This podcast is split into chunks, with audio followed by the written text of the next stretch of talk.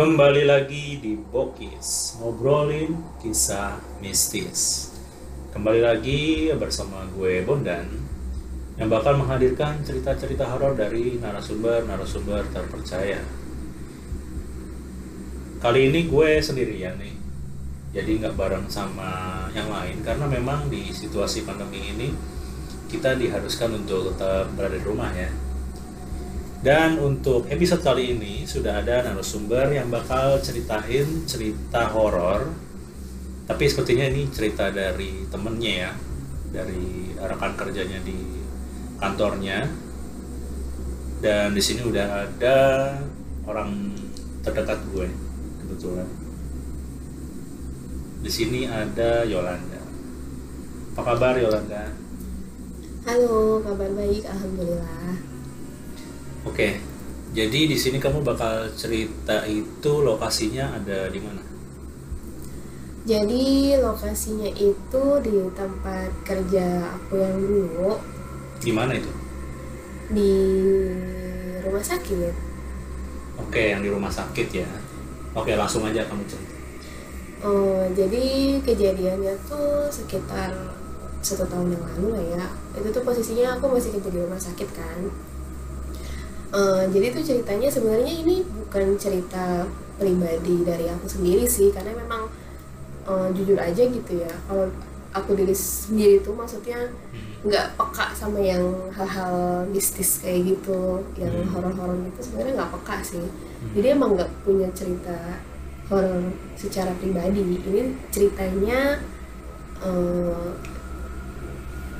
teman rekan kerja dia tuh pernah ngalamin yang menurut kita semua sih aneh gitu mungkin ya gitulah Oke, langsung aja.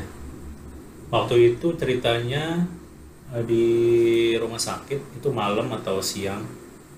kejadiannya tuh lupa ya mungkin sekitar sore kayaknya karena kan eh, kebetulan yang ngalamin itu temen kan kerja sebagai customer service Hmm. kayaknya customer service tuh dulu cuma sampai sore sih nggak sampai malam.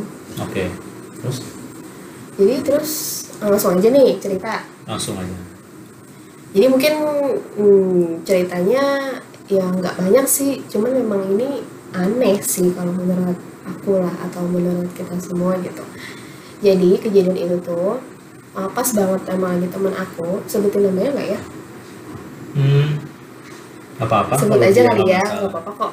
Uh, jadi sebut aja temen aku tuh namanya Nia Uh, dan si Nia ini tuh kebenaran lagi pas lagi shift sore Oke, sip-sipan ya. Iya, kerjanya sip-sifan kan kalau customer service. Kebetulan memang dia jaga sore. Eh, biasa kalau customer service itu kan ya di depan lah, di lobby gitu kan. Biasanya dan customer service itu kan biasanya dia menangani eh, komplain pasien atau tentang keluhan apa pun pengunjung atau pasien atau yang dirawat inap di situ kan.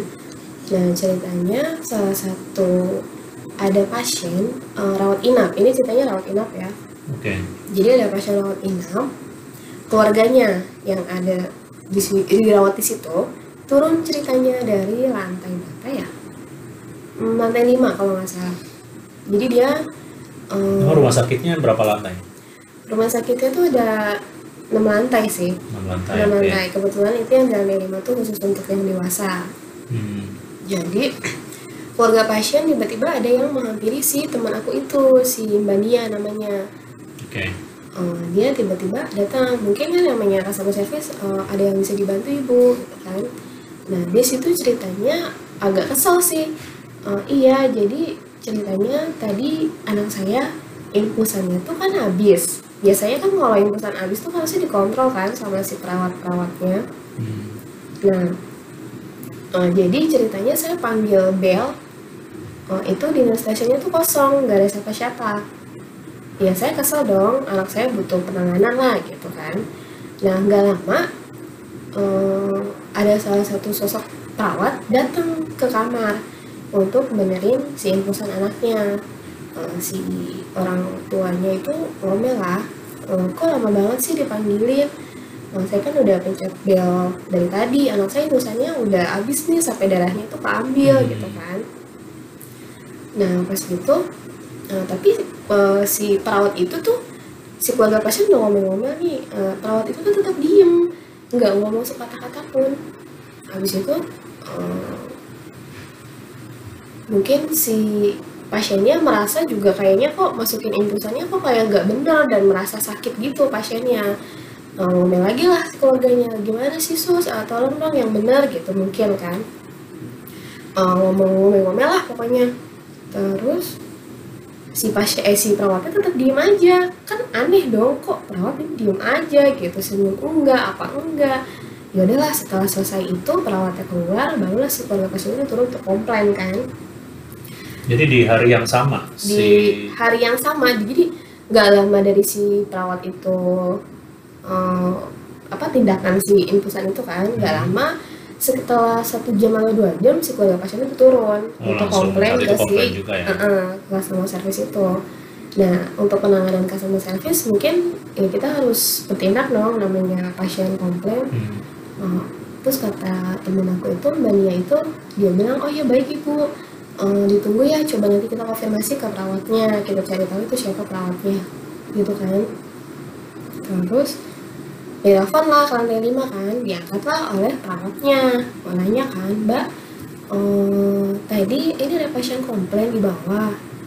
Eh, dia merasa eh, dia kok perawat sosoknya diem aja. Eh, terus ya nggak bagus lah gitu untuk eh, pelayanannya.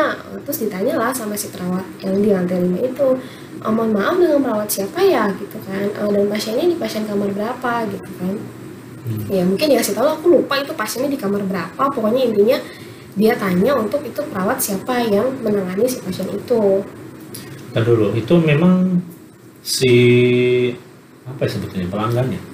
Pasien, keluarga pasien ya? itu keluarga pasien Keluarga pasien tua ini hafal nggak untuk ciri-ciri dari si pasien? Eh, si ciri oh ya ciri-cirinya tuh dia ngomong sih Apakah ada yang beda gitu mungkin?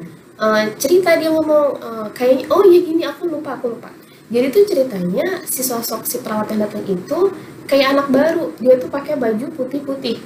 Pakai Hmm. baju putih pakai rok panjang putih.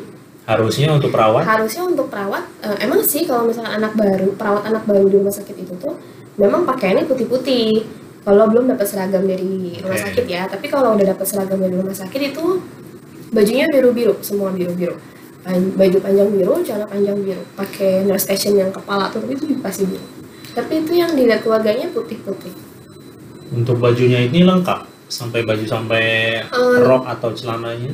Eh, lengkap eh, kayak seperti perawat pada umumnya aja gitu Cuma memang dia berbeda ya? cuman berbeda Seperti aja anak baru, Nah. pernah uh, kelihatan atau sering kelihatan gitu. Nah, iya, mungkin si keluarga pasien itu mungkin komplain karena kok anak baru mungkin udah dilepas aja nih untuk megang Oke. lepas pasang infusan gitu kan. Iya. Makanya dia komplain. Nah, di situ temen aku ngomong dong, "Oh iya, maaf, katanya sih perawatnya eh, anak baru, Mbak, pakai baju putih-putih."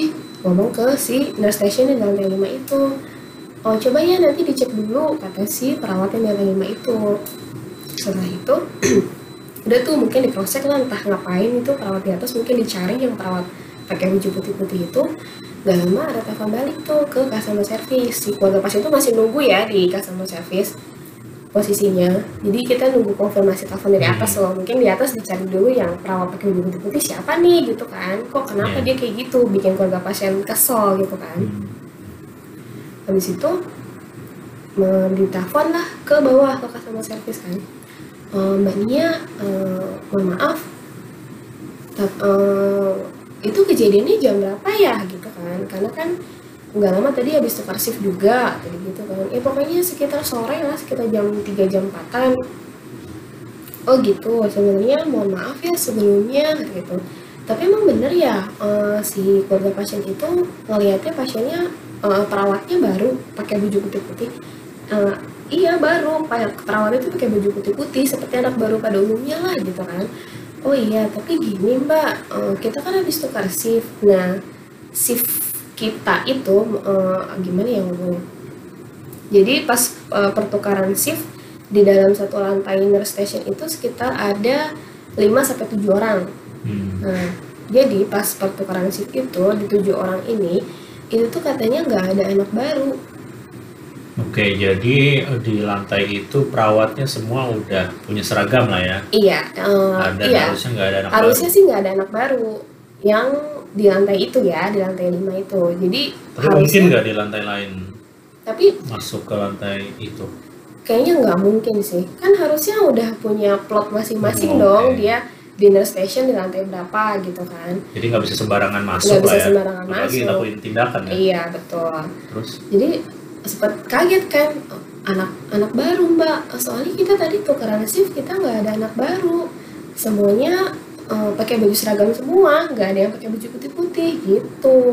Nah aku juga sempat eh, temen aku juga kaget kan kok nggak ada anak baru? Eh, nah si bannya juga jadi bingung kan ngomong sama si keluarganya gimana ceritanya ini masa iya sih kalau nggak ada anak baru? Gitu kan. Bingung juga untuk menyampaikan ke si keluarga pasiennya kan. Akhirnya ya udah akhirnya ceritanya tuh keluarga pasiennya oh, pergi lagi ke ruangannya atau gimana? Sama customer aku tuh jadi oh iya itu nanti dikonfirmasikan. Mungkin ada permohonan maaf aja sih dari si customer service-nya. Mungkin nanti diinfokan ke lantai limanya. Kayak ada permohonan maaf gitu aja sih Hmm. penyelesaiannya. Terus habis itu keluarga pasiennya pulang ke ruangan dan itu sempat heboh sih sempat hebohnya kok itu siapa? gitu. Sedangkan di lantai 5 aja nggak ada anak baru. Sampai ke lantai 4 pun itu nggak ada anak baru dari ciri-ciri mukanya dari juga ciri-ciri mukanya tuh ada yang tahu. enggak karena ka- pasti kan kalau pakai baju putih-putih itu pasti anak baru dong. Dan dicek di lantai 5 sampai lantai 4 aja itu nggak ada anak baru semua pasti pakai seragam. Jadi di situ sempat aneh sih nah terus itu siapa gitu yang lepas pasang infus pasien gitu kan Untuk pengecekannya ini dilihat nggak? Misalkan pasti kan kalau untuk kerja shift gitu kan pasti ada daftar namanya dong. Mm-mm. yang bertugas di jam sekian ini misalkan perawat siapa gitu. Mm-mm. itu nggak dilihat? Itu ada dilihat makanya itu kan dan nggak ada juga? nggak ada juga. Oke. kan eh, pas lagi ditelepon ke lantai 5 itu tuh yang konfirmasi itu bahwa nggak ada anak pasien itu kan jadi kepala penanggung jawab di lantai 5 jadi yang di antara tujuh orang itu tuh ada satu yang jadi penanggung jawab. Mungkin yang ya penanggung jawab lah di antara yang Oke. lain gitu kan. Itu dia mengkonfirmasi bahwa nggak ada anak baru di situ. Kita jaga pertukaran shift tuh di jam 2 kalau kejadiannya jam 3 jam 4 mungkin yang shift satu pun udah pulang dong gitu kan. Itu dikonfirmasi memang nggak ada anak baru. Jadi ya bingung juga itu siapa gitu yang lepas pasang gitu Hmm. infus. Akhirnya gitu cuman eh, nggak lama si perawatnya konfirmasi ke keluarga pasien yang komplain itu sih untuk permohonan maaf aja Hmm. itu bilang memang anak baru jadi ceritakan oh iya mohon maaf bu itu memang anak baru gitu mohon maaf untuk kelalaian Alasan kami aja iya sih ya. jadi jadikan alasan tapi sebenarnya Oh. di antara perawat itu dan si customer service dia bingung terus siapa gitu kan ya habis eh, ditanya juga nggak senyum nggak apa dia cuma diem aja nunduk diem aja katanya nggak ngomong sepatah kata pun Hmm. Gitu sih sampai pada akhirnya sampai sekarang pun nggak ada yang tahu itu siapa. Nggak ada sampai sekarang nggak tahu. Tapi dengar-dengar sih katanya emang sering sih katanya kayak gitu. Sering? Sering katanya ya. Aku sih nggak tahu tuh bener apa enggak cuman memang di kalangan perawat sih mungkin ya sering lah kayak gitu. Oke. Oke, ada lagi nggak ceritanya? Itu lumayan ngeri juga sih. Maksudnya kalaupun kalau tindakan si yang disebut perawat nggak tahu siapa itu tindakannya salah dan fatal kan bahaya kan? iya makanya kalau misalnya ada kesalahan atau apa pun juga kita untuk menyalahkan si perawatnya juga menyalahin siapa kalau memang merasa di antara mereka nggak ada yang nangani si pasien pasien itu gitu kan Tapi yang dilakuin si sosok yang nggak tahu yang nggak diketahui itu dia ngapain? Salahnya fatal kesalahannya sih cuman eh, keluarga pasiennya cuma mungkin kesel aja kali karena kok dia marah tapi kok nggak ada pembelaan dari si perawatnya gitu loh Hmm. entah kan dipanggilin katanya udah lama nih kok nggak nongol perawatnya sedangkan infusan udah darahnya sudah sampai naik itu kan harusnya harus cepet-cepet dicopot kan Hmm. Oke oke. Ngeri juga ya. ya begitu lumayan sih lumayan. sering. sering sih sering Terus selain itu ada lagi nggak? Em, kalau di rumah sakit itu sebenarnya pasti ada aja ya yang kayak gitu. Cuma kalau untuk masalah pribadi gue sih eh maksudnya aku sih nggak pernah ngalamin yang aneh-aneh sama kerja di situ. Kan kerja di situ kurang lebih dua tahun ya. Tapi alhamdulillah sih nggak pernah eh, apa mengalami kejadian yang aneh-aneh. Cuma kalau dari temen-temen banyak sih. Ada aja gitu salah satunya tadi si Mania satu lagi. Ada sih satu nih temen aku yang juga punya kejadian aneh katanya di rumah sakit itu. Kenapa tuh dia? jadi dia tuh di situ apa ya? Oh dia bagian pendaftaran loh kan? Kalau rumah sakit kan biasanya untuk pendaftaran tuh pendaftaran rawat jalan rawat inap Hmm. gitu kan. Dan biasa kan ruangannya atau sendiri gitu kan. Oke. di situ itu kejadiannya malam pas mau pulang shift 2 karena kalau shift 2 itu kan pulang jam 9 malam ya Hmm. jadi pas sosoknya tuh eh, temen aku mau pulang ceritanya Mhm. Terus? temen aku tuh mau pulang jadi eh, kebetulan pulangnya mau bareng nih sama aku kalau nggak salah ya Eh, posisinya kita shift bareng cuma kan emang beda bagian dia kan di pendaftaran Oke. kebetulan kita mau pulang bareng nih ceritanya ke jalan ke parkiran nah di pas kita sambil jalan berdua gitu dia ngomong ehm, yuk apa? Tadi gue eh, ada lihat yang aneh-aneh deh lihat yang aneh apaan gitu kan. Iya ngeliat aneh. Jadi kan ruangan pendaftaran tuh kan kaca ya jadi pintu pintunya tuh kaca. Jadi kalau orang lewat bayangan itu kelihatan kaca hitam tuh kan? Hmm. Kaca hitam gitu. Kalau kaca hitam itu kan kalau ada orang lewat atau apa kan kelihatan kan? Kelihatan ada yang lewat. ada yang lewat gitu. Atau mantul lah. Jadi posisi temen aku tuh lagi ngadep ke kaca. Terus di belakang dia tuh katanya ada yang lewat anak kecil. Hah? lewat. Itu tuh lari katanya. Anak kecil lewat lari. Otomatis kan kalau kita ngadep ke kaca itu belakang kelihatan dong. Itu Hmm. ada yang lari. Hmm. itu terus dia nengok. Tapi nggak ada siapa-siapa ini tuh posisinya mau udah malam dan dia sih sama teman-temannya kebetulan teman-temannya masih di dalam ruang ganti. Dia udah nunggu di luar gitu. Di tempat ruang-ruang tunggu lah di kursi-kursi. Nah dia bingung kan kok kok yang lewat? Siapa gitu kan? Dan itu kejadiannya tuh dua kali. Di hari yang sama nggak? Eh, di hari yang sama di jam itu juga. Terus gak lama dia Oh, lewat oke. lagi si anak kecilnya. Kayak mundar mandir gitu Nggak lama. nggak lama. Setelah itu. Iya, setelah itu. Jadi posisinya si anak kecil itu keluar, itu masuk lagi. Terus nengok lagi nggak ada. Terus dia lari dong, dia kan takutan kan, itu lari ke temen-temennya ke ruang ganti. Eh, lu lihat gak? Tadi tuh gue ada anak kecil lari. Anak kecil, anak kecil mana sih gitu? Ya pokoknya gitu sih banyak aneh-aneh gitu. Itu taunya anak kecil apa memang sosoknya kecil atau ada suara anak kecilnya? Sosoknya ya kecil, anak kecil gimana sih lari? Tapi nggak ada gitu. suaranya. Tapi nggak ada sih, cuma Kayak anak kecil lari main-main anak gitu kecil ya? lari aja gitu main seret lewat gitu terus seret lewat lagi gitu terus dia ah seriusan lo iya seriusan gue liat di kaca lo lihat kan kalau kaca segitu gedenya orang lewatnya kelihatan ini gue ngeliat jelas tuh dia lari katanya. Ya juga sih. Terus ada lagi sih di ah sebenarnya banyak sih kalau mau mau dikorek-korek eh di bagian di rumah sakit ya. Itu kan mistis banget lah namanya di rumah sakit. Yang orang meninggal di situ lah apalah. Satu lagi kejadiannya kenapa tuh? kejadiannya itu di bagian pendaftaran juga di depan Oke. oh, kalau di pendaftaran gitu kan biasanya suka ada nomor antrian ada TV besar gitu Hmm, display. nah display untuk antrian lah jadi nomor sekian nanti bunyi gitu kan Oke.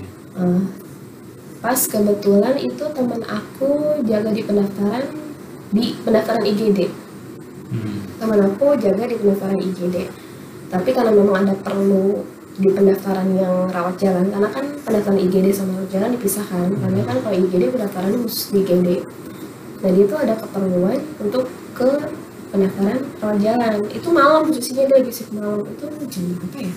Kayaknya udah lewat jam 12 deh. Jadi udah tengah malam ya. udah tengah malam. Posisinya pun gelap lobby juga udah gelap cuma pendaftaran aja sih yang diterangin Hmm. pas apaan sih ada security gitu. Terus dia jalan dia tuh kalau nggak salah mau ngeprint apa gitu kan di komputer di pendaftaran jalan dia masuk lah dia lagi duduk dan tiba-tiba si TV display antrean itu dia ngomong sendiri. Nah, iya. Mas ngomong sendiri? jadi kayak manggil pasien antrian Oh, nomor oke. 64 gitu.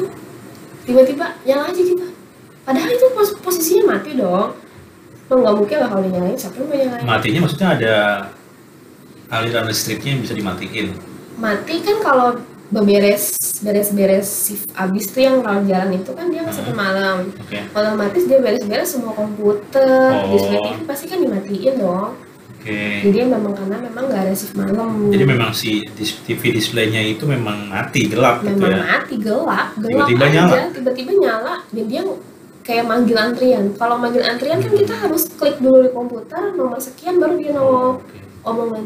Antrian nomor 64 itu langsung hibrid dong langsung karena kan security kan di depan ya depan lobby gitu. Jadi Itu cuma langsung- dia yang ngelihat. cuman dia doang yang ngedenger dan ngeliat. Itu langsung tanpa basa-basi dia langsung hibrid keluar. Dia teriak sih ah tolongin gue dong gitu.